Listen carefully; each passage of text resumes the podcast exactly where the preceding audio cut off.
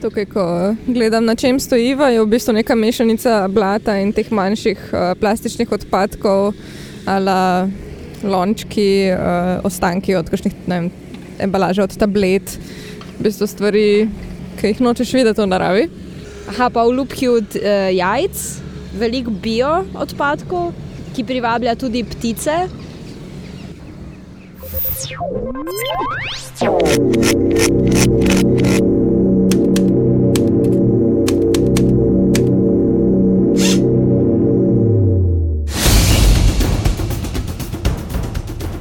Pozdravljeni v 39. epizodi počrto podcasta, z vami sem Tato Polovec, na terenu pa sta z nami tokrat Neja Berger in Hanna Radilovič. Letošnjo pomlad se pri počrtu posvečamo problemom s plastiko. V prejšnji epizodi smo analizirali svoj 14-dnevni plastičen otis, ki smo ga na koncu epizode oddali na odlagališče odpadkov. In prav na poti tja se januarja letos pričenja tokratna epizoda podcasta o problemih s plastiko.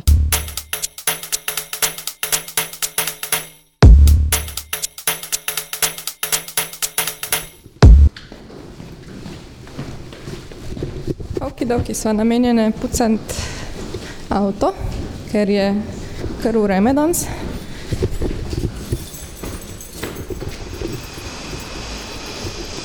Aha, tlele.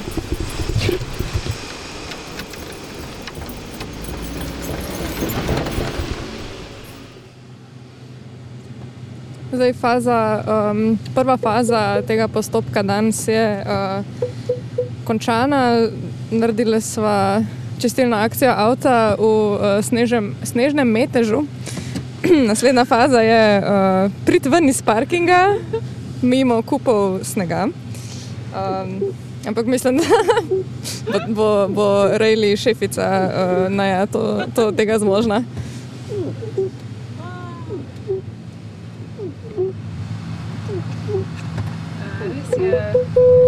Tak optimalen dan uh,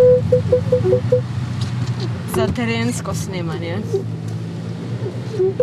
Edine tri dni v leti, ko imamo še zaradi global warminga sploh sneg. Ja, to je res šok že zdaj. Potrofen, ne? Se pravi, odpravljamo se v um, sortirnico, če prav razumem. Ne?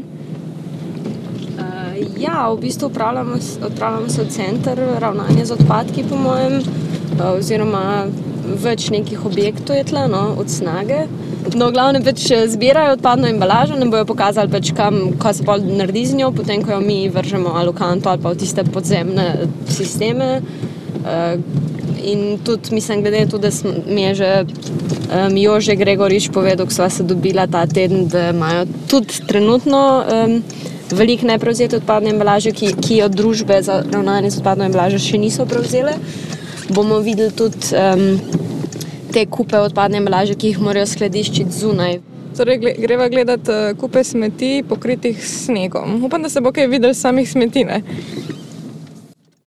Hanna in Neja sta na poti v zbirni center Barje, kjer komunalno podjetje Voka Snaga zbere približno 400 ton odpadne embalaže na teden.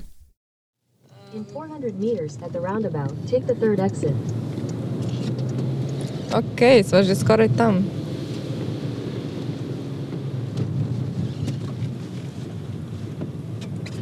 Vodovod, kanalizacija, snaga.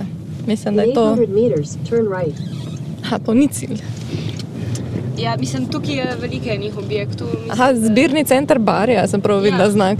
Ja, ja, ja, mislim, da moramo do sem. Ja.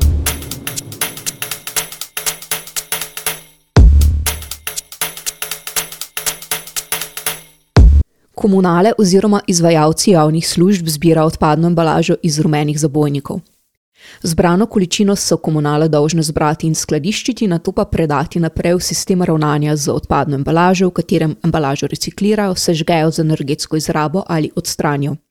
Sistem ravnanja z odpadno embalažo v Sloveniji trenutno upravlja šest družb za ravnanje z odpadno embalažo, poznamo jih pod kratico DROE.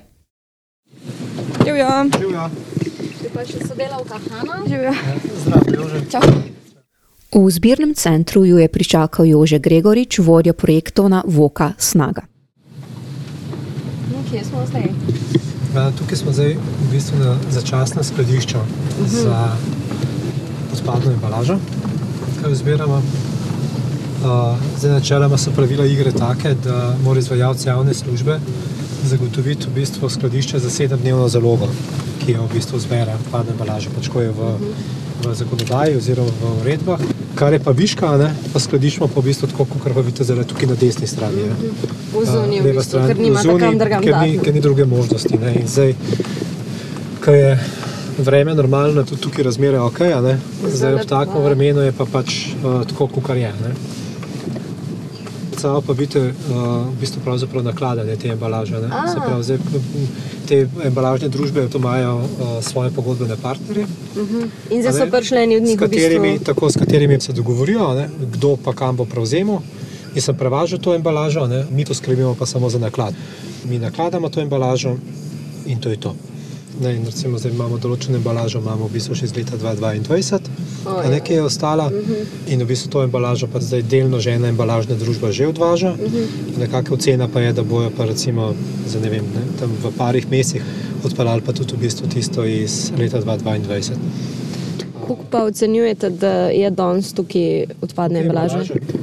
Jaz mislim, da je ocena se pravi skupaj za tisto, kar je v šotoru. Ja, bi mogli biti tam okrog 2000 ton te embalaže tukaj.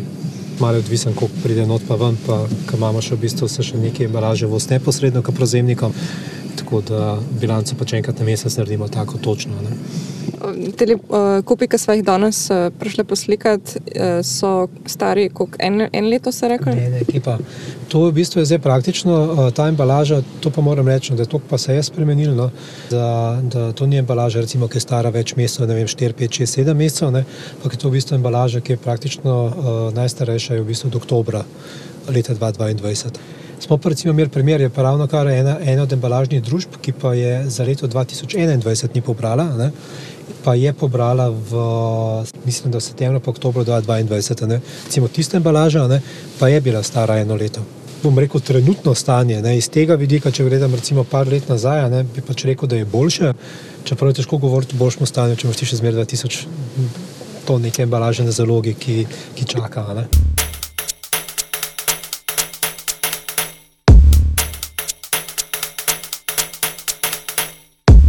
Od dveh desetletij, odkar je v Sloveniji v veljavi sistem proizvajalčeve razširjene odgovornosti, se problem kopičene neprevzete odpadne embalaže pri izvajalcih javnih služb ponavlja vsaj zadnjih deset let.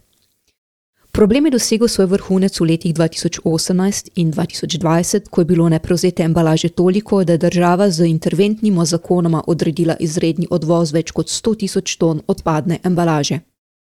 Izredni odvozi na podlagi interventnih zakonov so skupaj s povezanimi ukrepi stali 16,5 milijona evrov. Strošek smo pokrili davkoplačevalci. Ob našem obisku je v zbirnem centru Barje 2000 ton odpadne embalaže čakalo na prevzem strani droje oziroma njihovih pogodbenih partnerjev. Kupe smeti smo sklenili dokumentirati in povohati od blizu. Super, hvala. Važi, da se ne pogrezneš noter. Ja, ja. Najlepša hvala. Ok, vonjave, kakšne so vonjave? Ne? Vonjave so take, kot bi pričakoval za en let stare kupe smeti. Uh, mislim, da ni tako hudo, kot sem mislila. Bo. Je pa ful, več ptičev, nisem pričakovala živali, vidiš. E, Ti si vsega hudega vajena, če se ti to le zdi. Uh, Pa verjetno bi bilo huj, če bi bili tle po letu, v bistvu še bolj, da je sneg in zima.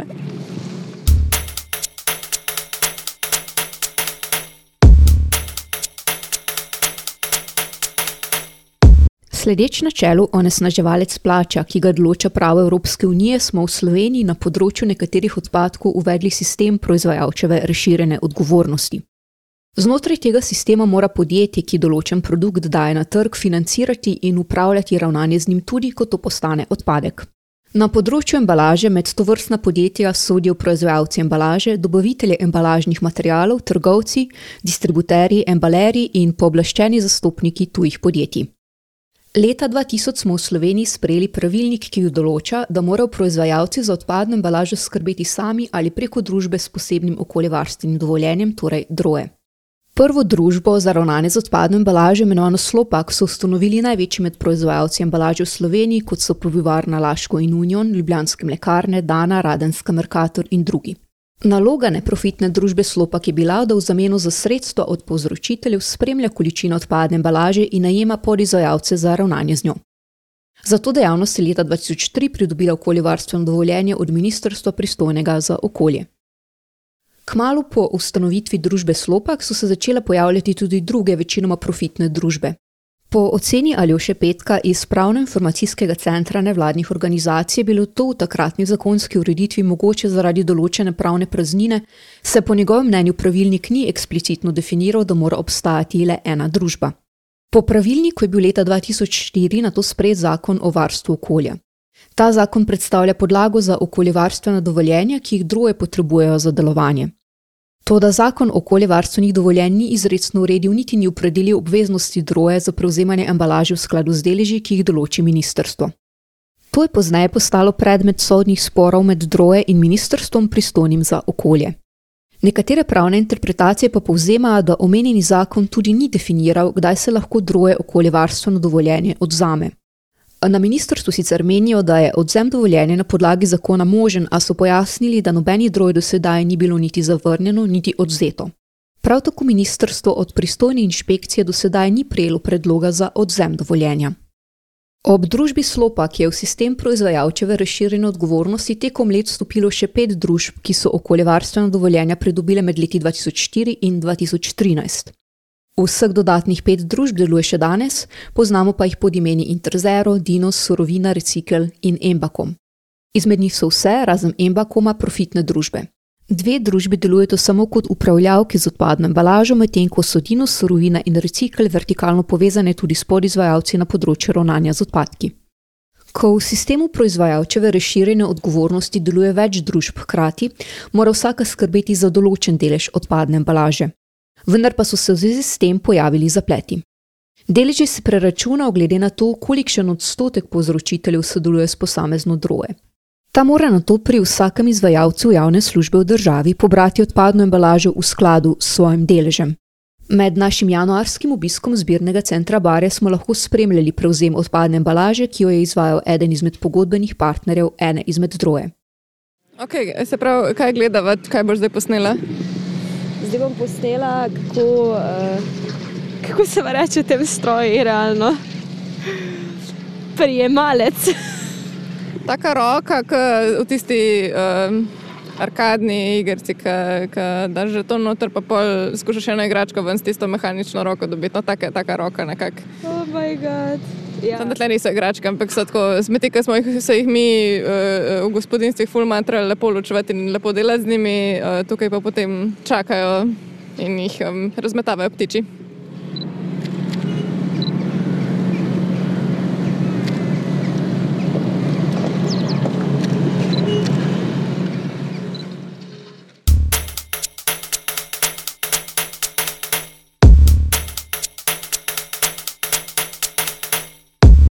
V sistemu, kakor je urejen pri nas, lahko nastane zaplet, ker vedno nastaja nekoliko več odpadne embalaže, kolikor jo je dane na trgu v sistemih proizvajalčeve razširjene odgovornosti. Na navidezno razliko v količini embalaže pa vpliva tudi razlika med težo embalaže dane na trg in težo embalaže, ko ta pride do komunal. Če se namreč embalaža meri le v teži, bo komunalna odpadna embalaža vedno težja kot v trenutku, ko je bila dana na trg, če tudi gre za isto količino. Težja bo zaradi bioloških odpadkov prisotnih v embalaži, pa tudi zaradi vode, snega in ledu. Razlika med nastalo odpadno embalažo in embalažo dano na trg pa se pri nas še povišala zaradi pravne ureditve področja, ki je veljala vse do leta 2021. Vse do takrat se namreč povzročiteljem, ki so dali na trg manj kot 15 ton embalaže na leto, ni bilo treba vključiti v sistem proizvajalčeve razširjene odgovornosti. Komunalne odpadne embalaže pa seveda pri ravnanju z njo ni mogoče ločiti, glede na to, ali je bila vključena v ta sistem ali ne.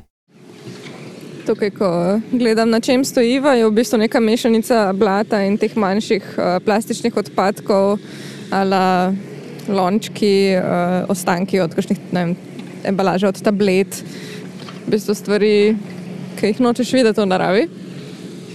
Tudi na prvi pogled, če preberjam te lepe smeti z onimi, ki smo jih izbrali za našo akcijo, je dosti podoben, edin več je teh izdelkov, ki jih v bistvu na daljše roke porabljaš in jih vem, na vsake dva meseca na novo kupaš, pa kakšno čistila in take zadeve. Recimo, tle vidimo, da je nekdo v embalažo vrgel brisače. Inteligentno. To se mi nekako zdi, da mogoče. Aha, pa v lupki od uh, jajc, veliko bio odpadkov, ki privablja tudi ptice. Ja, ni, ni vse tako spucan, kot uh, naj bi bilo. Ampak, ja, kako koli imamo zapovedati čez disciplino samih um, gospodinstv, ki proizvajajo oziroma se znebijo smeti, tisti, ki jih dejansko dajo na trg, uh, so pa drugo vprašanje, še posebej pa potem tisti, ki upravljajo z odpadki. Ne?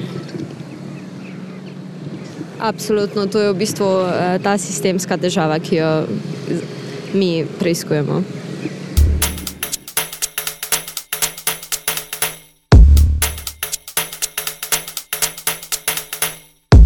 Kot smo med preiskovanjem ugotovili, gre pri neprevzemanju odpadne embalaže za težavo že v sami pravni podlagi, na kateri bi ministrstvo lahko uveljavljalo deleže, ki jih droje morajo prevzeti.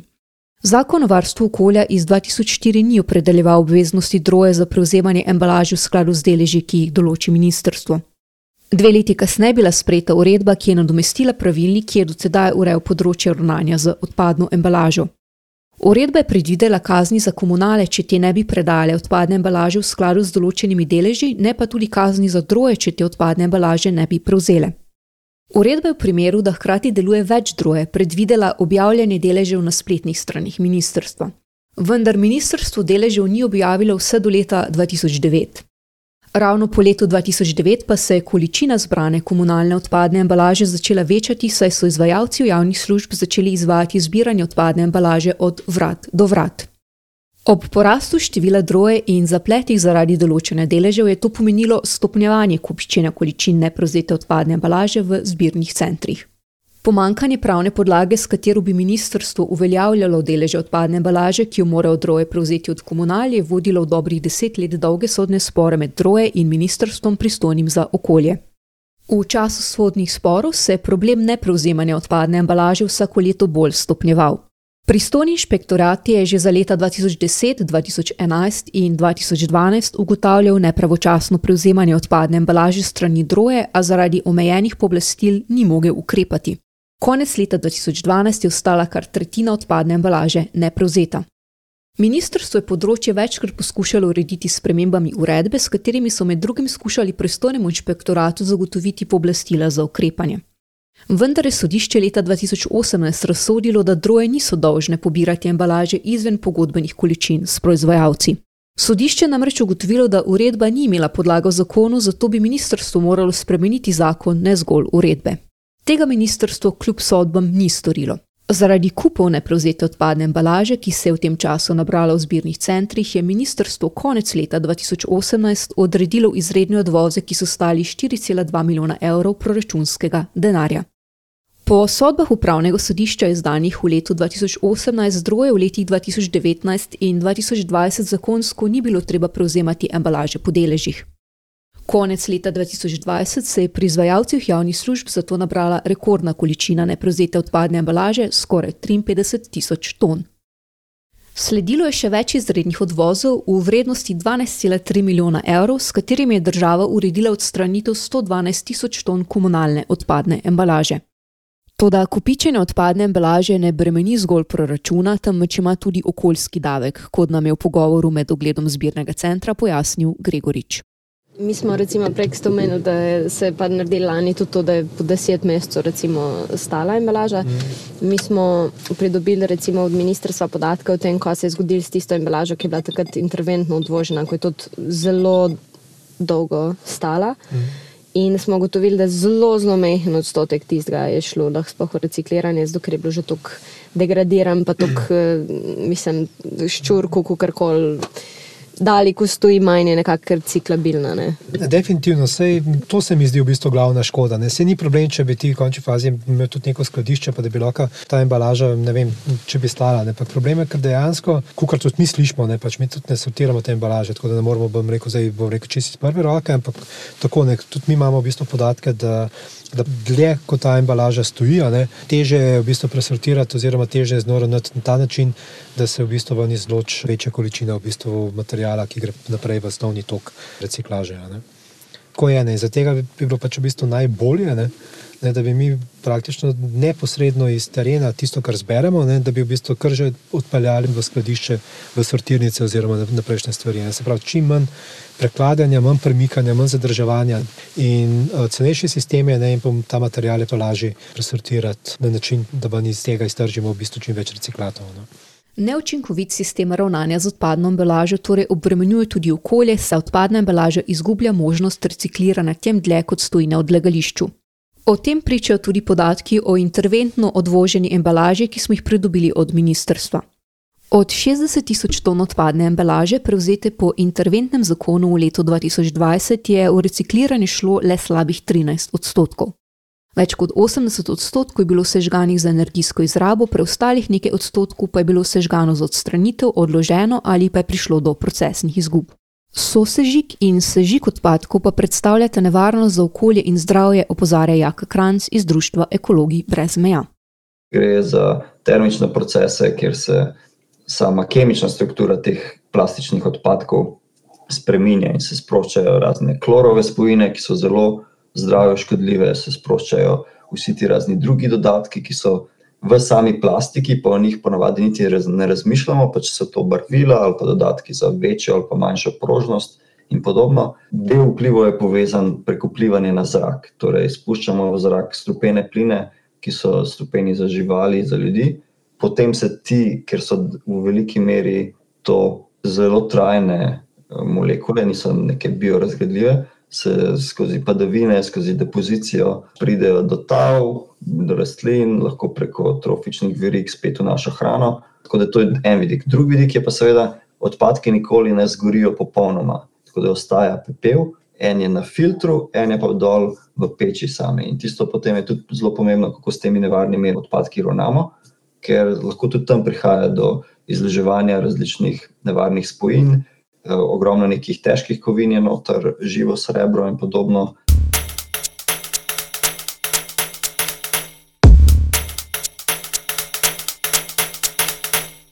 V času več kot deset let trajajočih sodnih sporov med droje in pristojnim ministrstvom je bila proti koncu leta 2020 v zakonu o varstvu okolja spremenjena zakonska opredelitev proizvajalčeve razširjene odgovornosti.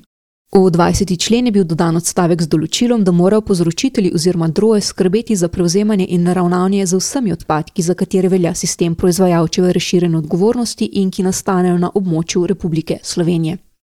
Naslednje leto je začela veljati nova uredba, ki ureja ravnanje z odpadno embalažo. Ta odpravila mejo 15 ton za povzročitelje, vendar zaradi vezanosti na stara okoljevarstvena dovoljenja 4 od 6 drojev še niso zavezane k novi uredbi. Uredbo so naknadno spremenili leta 2022 in uvedli novo metodologijo za izračun deležev, vendar šele septembra, kar je povzročilo določene zaplete. Na spremembo uredbe, ki določa novo metodologijo, je družba Slopak vložila pobudo za presojo ustavnosti. Iz Slopaka so nam sporočili, da je šlo za spremembo pogojev poslovanja za nazaj in da so jim spremembo uredbe v četrtem kvartalu določili obveznosti, ki so bistveno presegale zmožnosti prevzemanja glede na sklenjene pogodbe z izvajalci. Pobudo za presojo ustavnosti je sodišče januarja 2023 zavrglo. Iz Slopaka so sporočili, da izvajo vse pravnomočne odločbe in prevzemajo tudi neprevzete količine odpadne embalaže zadnjega kvartala 2022. Predstavniki štirih drojev ocenjujejo, da je bila nova uredba korak v pravo smer. V reciklu so zapisali, da se od spremembe uredbe septembra 2022 deleži določajo ustrezno ter da od tedaj v celoti izpolnjujejo svoje obveznosti. Tudi pri surovini in dinusu so zapisali, da so leta 2022 v celoti prevzemali vso odpadno embalažo pri po njim določenih deležih v skladu s predpisi. Pri Slopaku so zapisali, da določene deleže po njihovem mnenju še ni primerno urejeno. V Interzeru pa so zapisali, da pozdravljajo ukinitev meja 15 ton letno za vključitev proizvajalcev v sistem, sistem pa se jim zdi še vedno premalo transparenten. Medtem na ministrstvu menijo, da je zakonska podlaga začasno urejena in v sodelovanju z inšpekcijo ukrepajo proti droje, ki embalaže ne prevzemajo. Govorili smo z vršilko dožnosti direktorice na direktoratu za okolje na pristojnem ministrstvu Tanjo Bolte. Bilo pa jasno določilo, ko so zopet začeli, ne vem, tam nekje septembra, da odpadna embalaža eh, ostaja ne, na ISA, da jo ne prevzemajo družbe. Smo dali tudi jasno sporočilo, da skupaj z ministrom, da zakona o interventnih ukrepih ne bomo sprejemali, država ne bo zopet to, kar bi morale družbe pobrati, da ne bo zopet uh, svojega denarja dala za to davkoplačevalskega denarja za pobiranje embalaže. In zato smo tudi v bistvu naredili še posebne dodatne aktivnosti z inšpektoratom, da gre na teren in pač um, družbe še dodatno prisiljujo k temu, da se pač to odvaža. Na inšpekcijske odločbe se je več droje pritožilo. Da so se na vse odločbe pritožili, so nam potrdili iz vseh drojev zrazen Embakoma, ker niso želeli podati komentarja. Pritožbe droje so ponovno vodile do sporov na upravnem sodišču. Ni še jasno, ali bo upravno sodišče odločilo, da spremenjeni zakon o varstvu okolja in nova uredba zakonito urejate obveznosti droje za prevzemanje celotne količine embalaže nastale na območju Slovenije. A možno je, da v bližnji prihodnosti to ne bo več relevantno za sektor.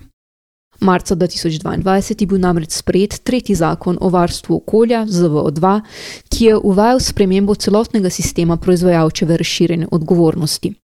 ZVO2 je predvidel ukinitev sistema, kot ga poznamo, in med drugim uvedel pravilo, da bi en odpadkovni tok upravljala le ena neprofitna organizacija, ki bi bila ustanovljena strani proizvajalcev oziroma povzročiteljev. A nekatere droje so na člene ZVO2, ki spreminjajo sistem proizvajalčeve razširjene odgovornosti, vložile ustavno presojo. Ustavno sodišče je izvajanje členov zaustavilo, dokler ne razsodi o njihovi ustavnosti. Ustavna presoja členov ZVO2 predstavlja dodaten zaplet, saj so ti urejali tudi delitev stroškov v sistemu proizvajalčeve razširjene odgovornosti. Trenutno v Sloveniji stroške za zbiranje in odvažanje komunalne embalaže plačujemo občani prek komunalnih položnic. Po ZVO2 bi tudi te stroške prevzeli proizvajalci. Prenos stroškov na proizvajalci je ena izmed zahtev Evropske direktive o odpadkih, ki bi jo morali uvesti do januarja 2023. Ker tega nismo storili, tvegamo kazen, kar so nam potrdili tudi na ministrstvu. Ta zadeva že stoji od maja lansko leto, ne? april je bil sprejet zakon.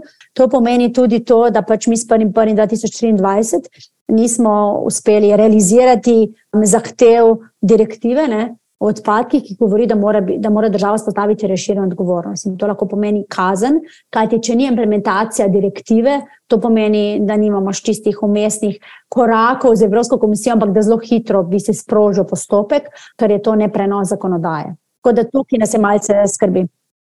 Še ena sprememba sistema proizvajalčeve razširjene odgovornosti, ki jo uvaja ZVO2, je prepoved vertikalnih povezav med organizacijo in podizvajalci. V trenutnem sistemu so vertikalne povezave dovoljene. Droedinus, surovina in recikl so vertikalno povezane s podizvajalci v sistemu ravnanja z odpadno embalažo. Hkrati pa kot podizvajalci svoje storitve prodajo tudi ostalim konkurenčnim drojem. Konec leta 2019 je Javna agencija za varstvo konkurence izdala odločbo, v kateri je surovino Dinus Recycle in Salomon, izvajalca povezanega z reciklom, obtožila kartelnega dogovarjanja z namenom izrinjanja Interzero, prej Interserov, iz trga. Agencija je v odločbi navedla ugotovitev, da so se omenjena podjetja dogovorila za prenehanje izvajanja storitev za konkurenta Interserov. Ena izmed obtoženih droje je agenciji priznala krivdo in sodelovala s posredovanjem dokazov o kartelnem dogovoru. Ostale družbe zanikajo obtožbe ali zadeve trenutno ne želijo komentirati, odločbe še niso pravnomočne. V sorovini in reciklu zanikajo obtožbe in so prepričani, da bo ob zaključenem postopku ugotovljeno, da kartelnega dogovarjanja ni bilo. V Dinusu in Interzeru odločbe, dokler ne bo pravnomočna, ne komentirajo. Še ena sprememba, ki bi jo ZVO2 uvedel v sistemih proizvajalcev, je razširjena odgovornost, je zapoved, da morajo organizacije pri določanju cen embalažnin upoštevati dejanske stroške in prihodke iz ponovne uporabe proizvodov in pri zaračunavanju, koliko je mogoče ekomodulirati cene. Ekomodulacija cen embalažnin bi pomenila, da bi za bolj problematične materijale, naprimer nereciklabilno plastiko, proizvajalci plačali višjo embalažnino. To bi za nje potem predstavljalo finančno stimulacijo, ki bi jih spodbudila v vlaganje v razvoj novih vrst embalaže, saj bi se jim to splačalo bolj kot vsakoletno plačevanje dražje embalažnine. Govori Kranc iz Ekologov brez meja. Sistem je res zatečen že več kot deset let, imamo vedno nove obveze in ta del, da ne dela ta komunikacija med organizacijami in proizvajalci, ki jih zastopajo, da ni tega, ni ekomodulacije, naprimer. te povratne zanke ni. To pomeni, da proizvajalci še naprej nam smetijo naše gospodinstva in naravo z nekimi brezveznimi embalažami in izdelki, ki bi jih že zdavnaj mogli umakniti iz trga in najti boljše rešitve. Pa če so to drugi materiali, če je to manj ovojev pri embalaži, če so to neke embalaže, ki so primerne za ponovno uporabo in se take sisteme uvaja, itd. itd. Ta zanka je tudi v tem primeru nujna, da jo zaključimo, da trgovce, ne samo trgovce, da bolj proizvajalce prisilimo k boljši zasnovi svojih poslovnih modelov in samih izdelkov in embalaž, ki so okrog njih.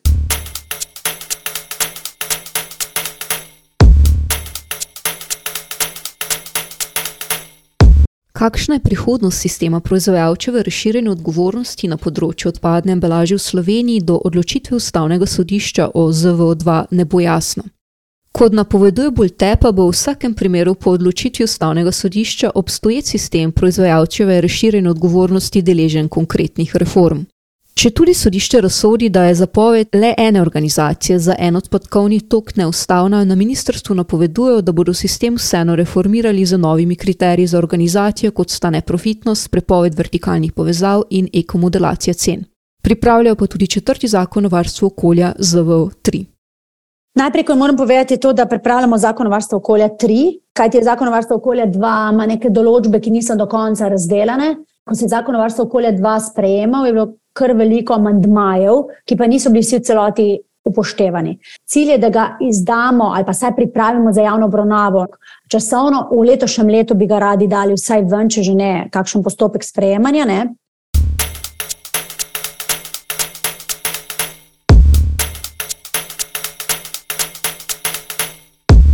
Prenovo sistema, kot jo določa ZVO2, podpirajo tudi pri ekologih brez meja, zbornici komunalnega gospodarstva in droje slopak. Ne podpirajo je v Dinusu, Sorovini, Reciklu in Interzero. Embakom ni želel odgovoriti na vprašanje. S tem zaključujemo tudi naš izlet v zbirnem centru Barje.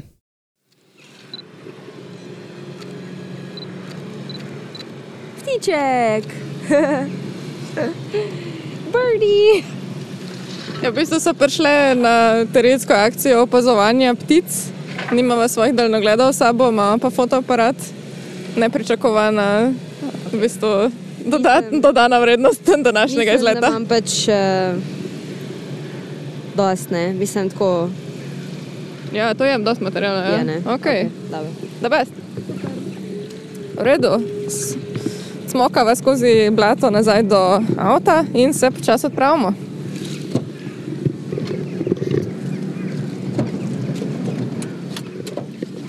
Sploh ni bil več fuga začel, ne?